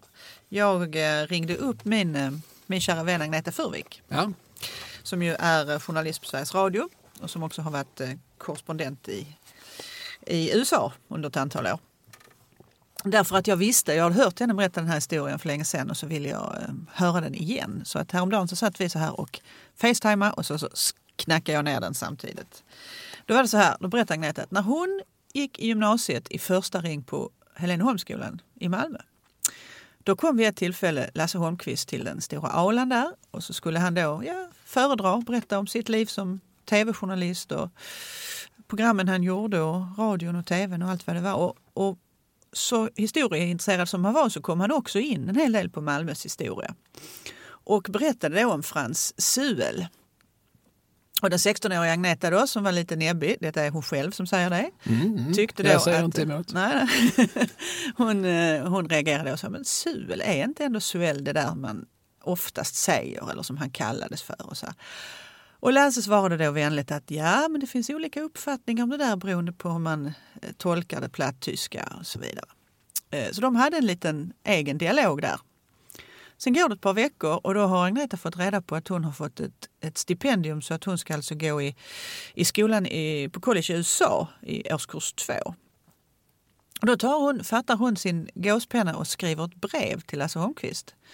Eh, där hon liksom berättar om det här, att hon var så glad hon hade fått stipendium, hon skulle åka till USA. Hon hade fått någon sorts connection till honom under det här skolbesöket. Och liksom det här var en vuxen som på något sätt intresserade sig för och såg ungdomarna. Och sen tänkte hon väl inte mer på det. Och så gick det ytterligare några veckor. Då kommer ett svarsbrev från Lasse Holmqvist som skriver att det här är alltså 78 någonting. Att eh, jo men du, vi ska ju göra sån här Poluffen i Amerika, Poluffen i USA-program. Och eh, det sammanfaller kanske med att du ska gå i skolan där så då kunde du jättegärna få vara med på inspelningarna. Mm. Om det passar. Och Agneta blev ju jätteglad naturligtvis. Så hon, och det gjorde det ju. Så att under ett antal dagar där i New York så fick hon hänga med som praoelev kan man säga. På, med Lasse och teamet, det var en kameraman och det var några andra då som var med i det här gänget. Och eh, resa runt, eh, ja det var ju på Manhattan då, det var i olika delar. Eh, och bo på hotell och äta med gänget och bara, hon hängde med dem hela tiden. Och hon hade ju redan då liksom tänkt tanken liksom att eh, journalist skulle ju vara någonting. Men hon menar ju att det var ju, här var ju en, verkligen en eh, viktig händelse för henne i sitt sen framtida val av yrke. Ja, det måste det ju vara som en av Sveriges stora tv-personligheter tar henne under sina vingar på ett så chosefritt sätt som, som hon beskriver det. Ja, ja, ja. ja. Och jag, jag, tog, jag tog faktiskt två citat här från henne. Jag satt här och knackade ner när vi pratade häromdagen. Så sa hon det att, eh, ja, det, först berättade hon en rolig historia att hon var med på helt osannolika ställen. Vi var ute i Bronx, eller om det var i Brooklyn, i ett gammalt svenskhus. En sjömansklubb eller liknande där man skulle intervjua en enormt sliten äldre man som skötte baren där. Och de kom dit mitt på dagen, det var varmt, det var strålande sommar. Och, och det första gubben frågade var då om han inte skulle kunna få göra en grasshopper till mig. alltså det står 16-årig Agneta från Sverige och det här är ju någon sorts äh, drink med mycket alkohol i och crème de menthe och sådär.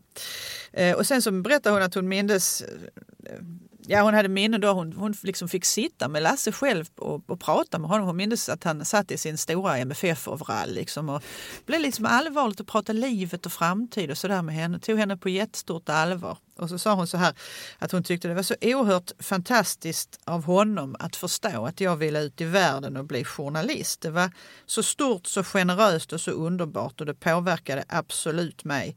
Ett oförglömligt livsminne som påverkade mig i tron på att jag kunde bli journalist. Så jag är Lasse Holmqvist evigt tacksam för det. Och jag tror att Inger Ljung, som vi känner från bland annat mm. God kväll, att hon kan berätta någonting liknande. Okej. Okay. Eh, för att visst var det så att när Holmqvist till slut lämnar SVT, det gör han ju för att han ska starta sin egen tv-kanal. Just det.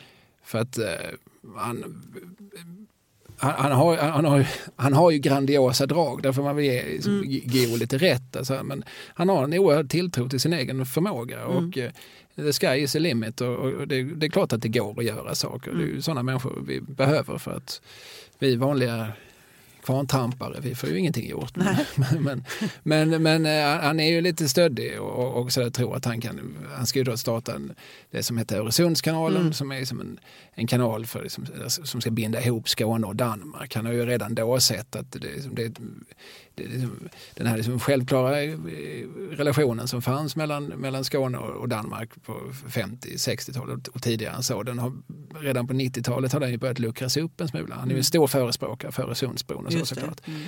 Eh, och det här är en idé han har och som han tror så mycket på att han säger upp sig från från SVT. Jag ska ha en egen tv-kanal. Mm.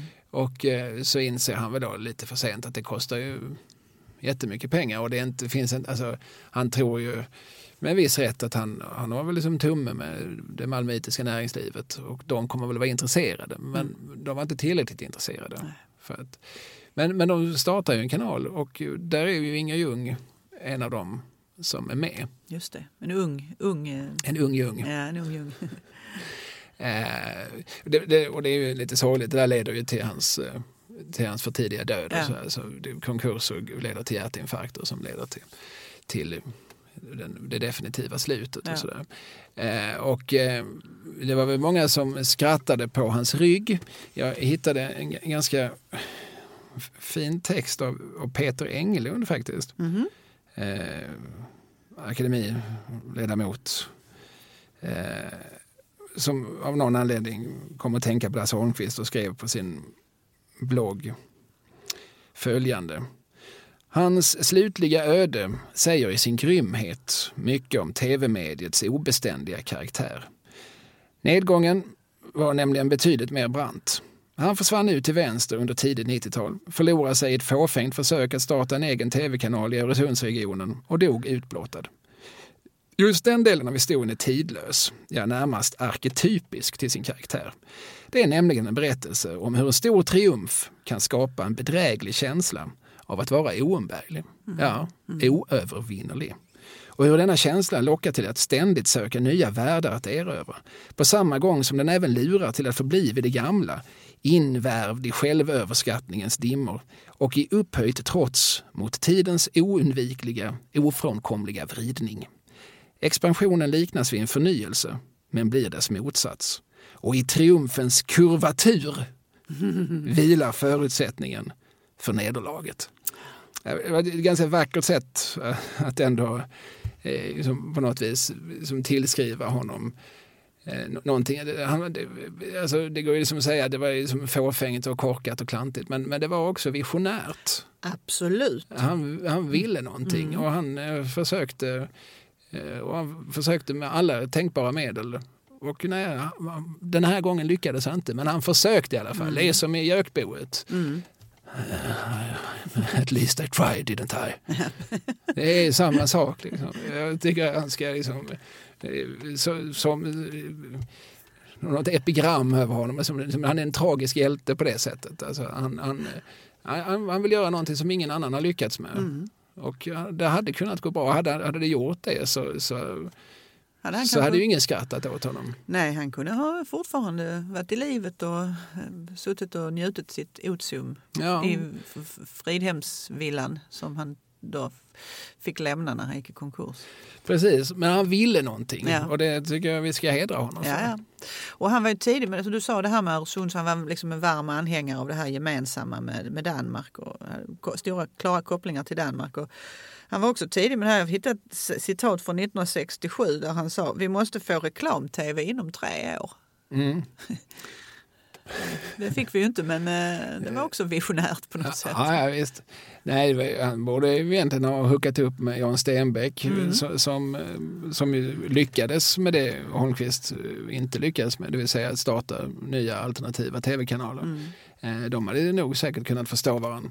Men jag tror återigen att Holmqvist ville vara sin, sin egen, springa sitt eget lopp. Eh, som sagt, jag, jag är med mig en massa böcker här. Mm. Och nu har vi pratat ganska länge om den goda Holmqvist, men vi kanske ska ta lite till om här i ditt liv. Mm. Det finns ju en, en myt som jag ofta stöter på, att det heter att Lasse Holmqvist hade öppen sluttid. Ja, just det. Mm. Det, jag tror inte det är sant, jag tror inte det stämmer. Eh, det bara kändes så. Bengt Roslund berättar ju i den här filmen om TV till varje pris om att eh, eh, de drog över några minuter då och då och så, och så fick de bannor då på måndagen från, från Stockholm och sen så hade de något program där de skulle, de redan visste att det skulle dra över, det var väl med Bibi Andersson tror jag va? Det, är det du vill komma till? kanske? Precis, Ja. jag sitter med Roslunds Ja, ja, ja. och Skam den som ger sig. Och det är alldeles rätt som du säger, de har, det är sista säsongen här i ditt liv. De har gjort ett program med Bengt Grive, Mhm. direktsänt då, som har dragit över eh, sex minuter för att eh, det är någon brandkapten som han skulle berätta en anekdot på en halv minut. Men, Fick feeling. Ja, precis. Det blev 17 minuter Ja. så istället. Eh, Och då, och, då, och då säger SVT-ledningen i Stockholm att gör ni det här igen så kommer vi att dra in en svart ruta Mm. på prick halv tio. Då. De hade ju en och en halv timme till sitt förfogande. Och sen nästa vecka så, så ska de då ha Bibi Andersson som gäst. Och det här är ju som en lång historia för det så är det så att Bibi ställer i de, de ska lura Bibi att hon ska vara med i någon eh, soaré på Malmö stadsteater. Hon ställer in lördag morgon. Jag kommer inte, jag känner mig lite krasslig. Jag stannar. Ja, men det är jätteviktigt att du kommer. Nej, det kan inte vara så viktigt. Jag stannar. Och så berättar Roslund en lång historia om han liksom eh, raggar upp Bibi Anderssons granne och, och ber henne, du kan väl springa över till Bibi. Alltså, men jag känner inte Bibi, jag har aldrig pratat med henne. Men kan du inte göra det för vår skull? För vi har nämligen, och det här är ju liksom den springande punkten, vi har Bergman. Bergman har nämligen vid ett tillfälle som sagt till Holmqvist att eh, ja, men kom, får ni, har ni Bibi som gäst, då kommer jag. Vilket ju också är extremt manipulativt. Var, varför bara Bibi? Mm. Har vi Max von Sydow? Nej, då kommer jag inte. Mm. Har vi Ingrid Thulin? Nej. Men har ni Bibi, då kommer jag som mm. gäst. Okej, men nu har, så ringer de Bergman och säger nu har vi Bibi som gäst, så nu kommer du väl? Nej, säger Bergman. Nej, nej jag, jag går med käpp nu. Nej, jag vill inte visa upp mig i det här skicket. Jag är dålig i magen också. ja, men, nej, men du har ju lovat. Nej, alltså, nej, jag tänker inte skita ner mig i direktsändning, det, det är uteslutet. Ja, men, och då säger Roslund, som tar det här samtalet, men om vi bandar lite tidigare då? Mm. Och, och då, när han säger det så vet han att här kommer Lasse att bli sur, för, mm. för Lasse vägrar att förbanda. Men, men han, det här är ju sättet, enda sättet att få Bergman, han kastar in det. Och till slut så har han liksom faktiskt lyckats snärja Bergman. Bergman kommer att vara med. Mm. Eh, under förutsättning för att han då inte ska att inte tarmen ska behöva krångla i direktsändning. Och eh, så, så bandade de det här programmet på eftermiddagen då efter att Holmqvist först hade fått några utbrott där att Roslund eh, har liksom tagit direktsändningen ifrån honom. Mm. Och då blev det lite, det blev lite längre än tänkt. Mm. Så då ringer de till Stockholm och säger det att nu, nu har vi gjort ett program med Bibi Andersson och Bergman är med. Och så. Det, blev, det blev lite längre än tänkt, det blev 29 långt. Ja, 29 sekunder är väl ingen fara. Nej, nej, 29 minuter. och Roslund beskriver hur han sitter och ser den här sändningen på lördagskvällen. Och med liksom slags, tänk om de, de har ju hotat med svartruta. Mm, mm. Tänk, tänk om de tar bort den sista halvtimmen. Mm. Men det, det, gör de inte då. De inser ju såklart värdet av att... Det är trots allt Bibi och Bergman. Och... Ja. Och, och där får de också med Poppe. Det är ytterligare ett mm. problem de har. För Poppe, Nils Poppe, alltså, en annan Malmöpåg, han har tydligt flaggat för att han vill inte vara med här i ditt liv. Mm. Det är helt uteslutet. Han har nog, han har nog saker han inte vill bli påmind om. Eh, och, och, när Roslund säger, för att eh, Nils Poppe var den första som kysste Bibi Andersson på film. Mm. Mm. Eh, så det hade varit roligt om du bara kunde komma in och kyssa Bibi. Mm. ah, nej, ni kommer att lura mig. Ni kommer, så kommer det visa sig att det är jag som är gästen. Jag kommer inte. Eh, ja, men om, och då, då ska det fortfarande sändas live. Men om du kommer 2015, du behöver inte komma in från 2015, du vet att programmet börjar 20. Så då, då vet du, då, då, kan du vara säker att det inte är du som är gästen. Mm. Okej då, säger Poppe. Sen får Roslund ringa igen och säga, vi, vi kommer förbanda det här programmet. nej, nej, nej, den gubben går nej, inte. Nej, nej. Men till slut så, så lyckas de då. Och man förstår, det här liksom, de har en vecka på sig. Herregud vad de måste ha pratat telefonen under den veckan. Alltså så. Jag kan känna den stressen, liksom hur, hur ja, ska det gå eller inte? Det är klart det är en nerv i det som gör också att de blir på tå. Men, eh, och lyckan när det väl klaffar måste ju vara enorm. Ja, och sen kommer Poppy in och ger Bibi Andersson en rejäl kyss. Just det. Hon tappar ansiktsfärgen. Ja, och sen försvinner han lika fort. Mm. Han ska liksom inte, ingen ska fånga honom till något. Men, men vad som är intressant nu, med Roslund som skriver den här boken kom för inte så många år sedan. Holmqvist är död när han skriver den och sådär han är, han är rätt ångerfull. Alltså, Rosen var bara med och gjorde just den sista säsongen av Här i ditt liv. Mm. Eh, så att han, det är bara de sex programmen som, som han kommenterar. Men, men hälften av dem, det är nästan lite grann så att han, att han ångrar dem lite grann. Att Rune Moberg, han, han var liksom lite kompis med Rune Moberg. Rune Moberg vid något tillfälle sagt du, du, du lovar att aldrig kidnappa mig va? Mm. Och så gör de det i alla fall. Mm. Och Rune tittar liksom sorgset besviket på mm. dem. Jag ville ju inte. Sen så gör de ett program där han ser ut att stortrivas i en och en halv timme. Men det måste ändå...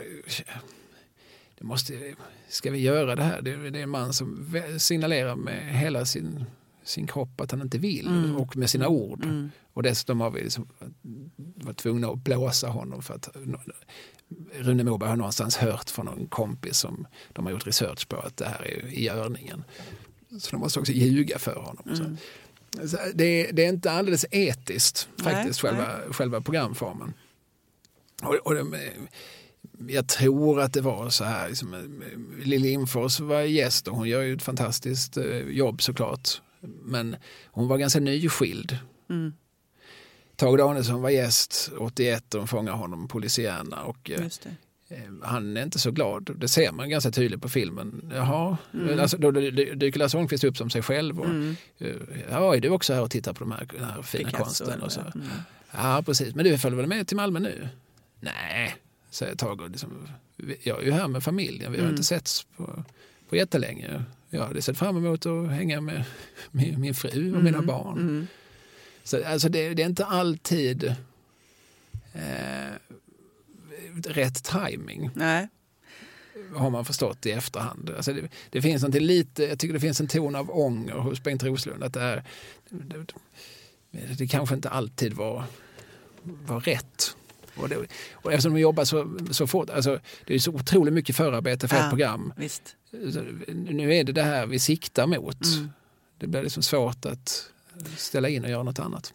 Så nu har ju inte jag alla de här programmen heller i färskt minne men eh, min bild är också att de har att det är ganska snälla program. De släpar dit människor som på något sätt har goda minnen av gästen. Och, eh, alltså, det är ju inte några fiender och gamla hatobjekt. Sådär. Om, man, om man bortser från det oestetiska och oetiska kanske i Lill-Babs-programmet tänker jag på. Ja, det, det, och det jag kan också tycka det är lite synd att det är det, det, folk verkar komma ihåg från, från den här väldigt gedigna underhållningsserien Här är ditt liv. Men, men det var ju ett klart övertramp. Mm. Eh, De eh, hade raggat upp eh, hennes gamla älskare och, och, och män. Mm. Tio eller tolv är de, Berghagen är med Mm. och så sjunger de Är du kär i oss ännu fru Svensson. Mm. Eh, Och Lasse Holmqvist säger vi fick inte plats med fler i studion. Mm. och eh, utmålar henne lite grann som en slampa då för fyra miljoner tv-tittare. Mm. Något som hon eh, som, sen hade som en stämpel på sig resten av sitt liv. Mm. Och som Malin Berghagen har berättat att det tyckte inte mamma alls om. Hon var, hon satt och höll färgen där men hon var väl kanske blev väldigt ledsen in, inombords. Ja, och jag kan tänka mig där och då så var det väl roligt att alla de här männen och, att de var roligt att återse er. Och så, Först i efterhand så, så hör man liksom, "Va- va- va- men vänta hur framstod det här nu då? Mm, just det. Alltså, Mm. när, som mina gamla ligg. Men man får ju ge Lill-Babs att hon hade en god relation till alla de här exen. Ja, och det var ju också Säger så. något om henne. Ja, men, och det är så, bland annat Holmqvist har försvarat det väldigt mycket att, att alla de här männen, absolut, jag kommer för Barbros skull. Jag är i USA men jag flyger hem. Mm. Eh, och, och Barbros mamma som hon ju stod väldigt nära var, var involverad i att leta upp de här gubbarna. Mm. Eh, och det hade hon ju inte gjort om hon inte visste att, att relationerna var fina. Nej. Men när man liksom låter dem paradera in Ja. på det här sättet och Holmqvist också lite grann som skojar om att det finns ju fler egentligen. Ja, just det. En, en annan sån där, eh, apropå liksom gamla hatobjekt och sådär, liksom lite oväntat är ju när Jokkmokks-Jocke är gäst. Och, han, och de har liksom lyckats få ner henne, hans gamla lärarinna. Ja, just det. Och han blev jättearg på henne. Mm. För att hon gav honom C i Just sång. det, just det. Men det var, ja. Eh, och, då, och alla är ju helt oförberedda på det. Alla är glada för att återse sin småskollärare. Ja. Men det satt i som en tagg Ja. i den gode Jocke. Han hade inte glömt, hur kunde du ge mig ett C i sång? Nu har jag haft en karriär här på att åka runt och sjunga i flera decennier. ja. Vad säger du nu då? Ja, precis. Där fick du.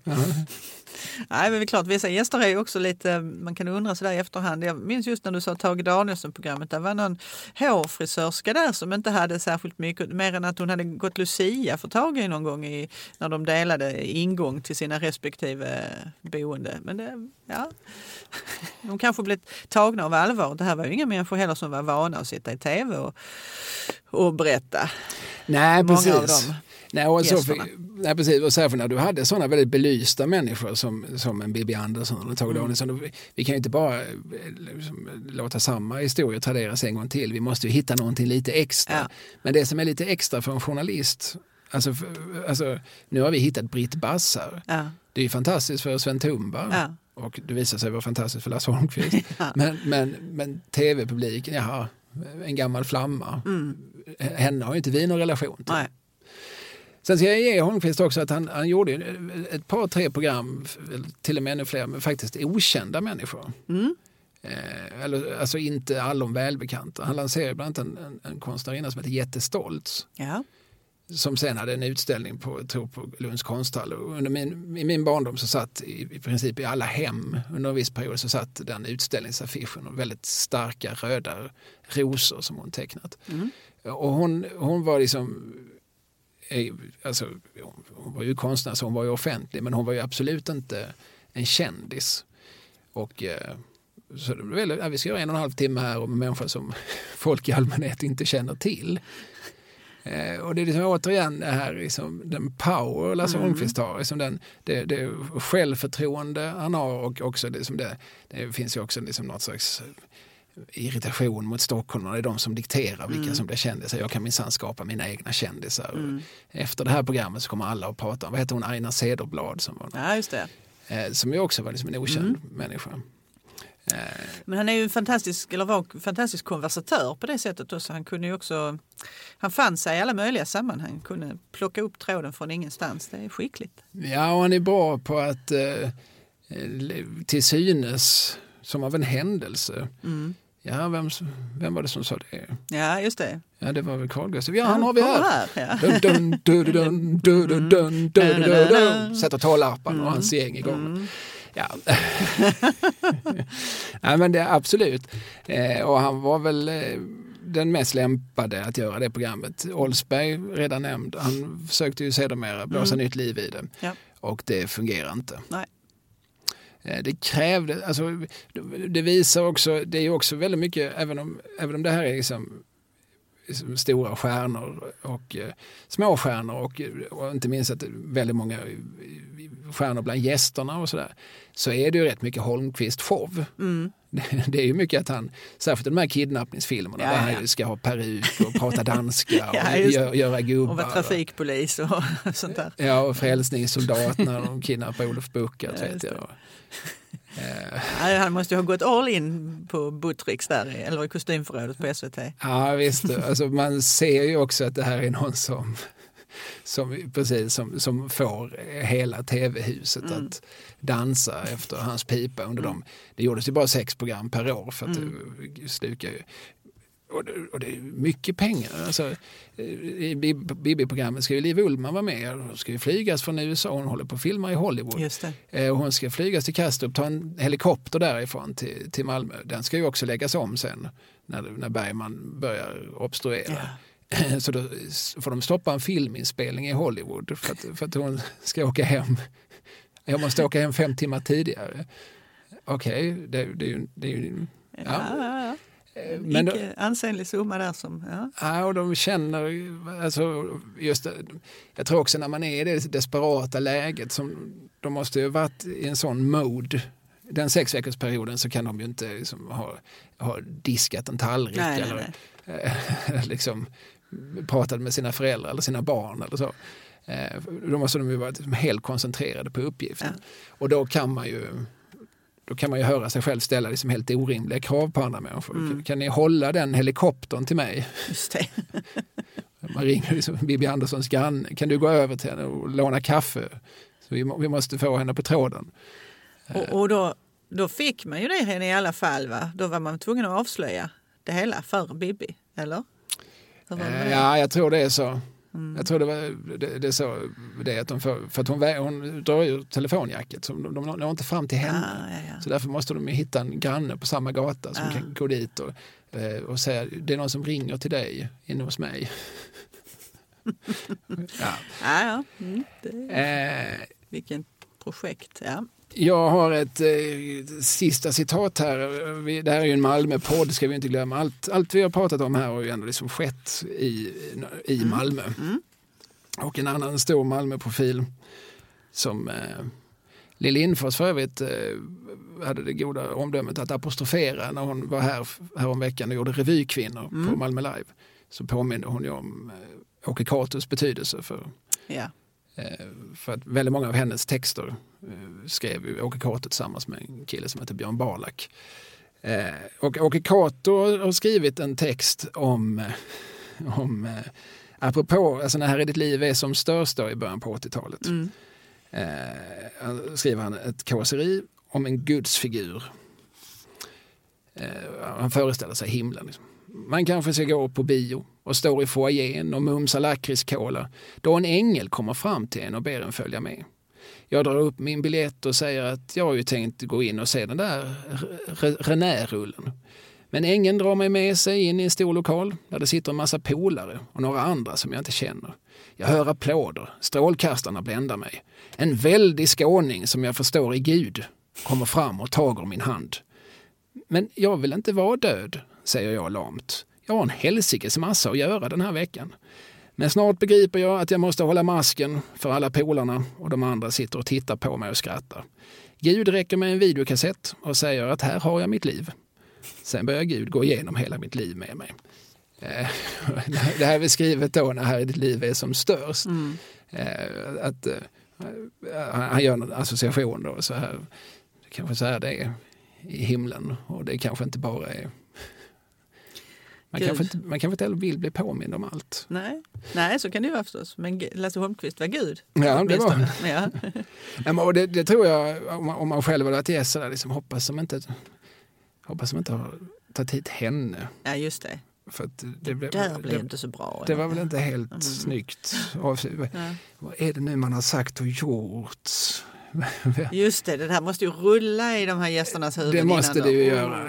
Och det finns ju en, eh, bara anekdotisk, när, när Trolle Rodin var gäst, mm. cirkuskungen, mm. och skulle bli kidnappad och fick och var så pinknödig redan när han blev kidnappad. Men han alltså inte kissa. Utan han sitter då, de tar, så kidnappar honom, tar honom direkt till tv-studion och sen så rätt in. Och sen så ett par timmar senare, får han, var liksom helt vit i huvudet och höll på att bli urinförgiftad. Han höll på att göra en Tycho Brahe ja, inför fyra miljoner tv-tittare. Det har han själv berättat senare. Mm. Ja, eh, det, det, kunde de ju ha anat. Ja, cirkusman, du vet. The show must go on. Vadå pinkenödig? Det är därför... Ja. Nåväl, vi har pratat om Lasse Holmqvists liv och karriär. Vi har fått med alla hans adresser. För, ja. för han flyttade från Tygelsjö till Fridhem. Och sen sista, när han Fridhemsvillan såldes så var han faktiskt vid sin död skriven i Tessins väg 1, alltså första Ribershus. Så där, han bodde inte på Rosengård, det sa ryktet nämligen. Alltså illasinnade rykten på 90-talet sa att, eh, att han, för, eh, ja, han har förflyttat till Rosengård. Aha, nej, det vet jag ingenting om. Nej, skönt att kunna avfärda både det och legenden om öppen sluttid. Just det. Det är lite journalistiskt där. Ja, scoop, Kalle. Döda olika rykten från 90-talets Eslöv. Eh, vi, vi, vi återkommer väl om två veckor och då pratar vi om något annat. Ja, det hoppas jag verkligen. Ja. Mm. Eh, som sagt, eh, adupodd.gmail.com men framför allt så finns vi alltså på patreon.com. Mm. Sarvi. gör vi. Hej. Hej. Allt beror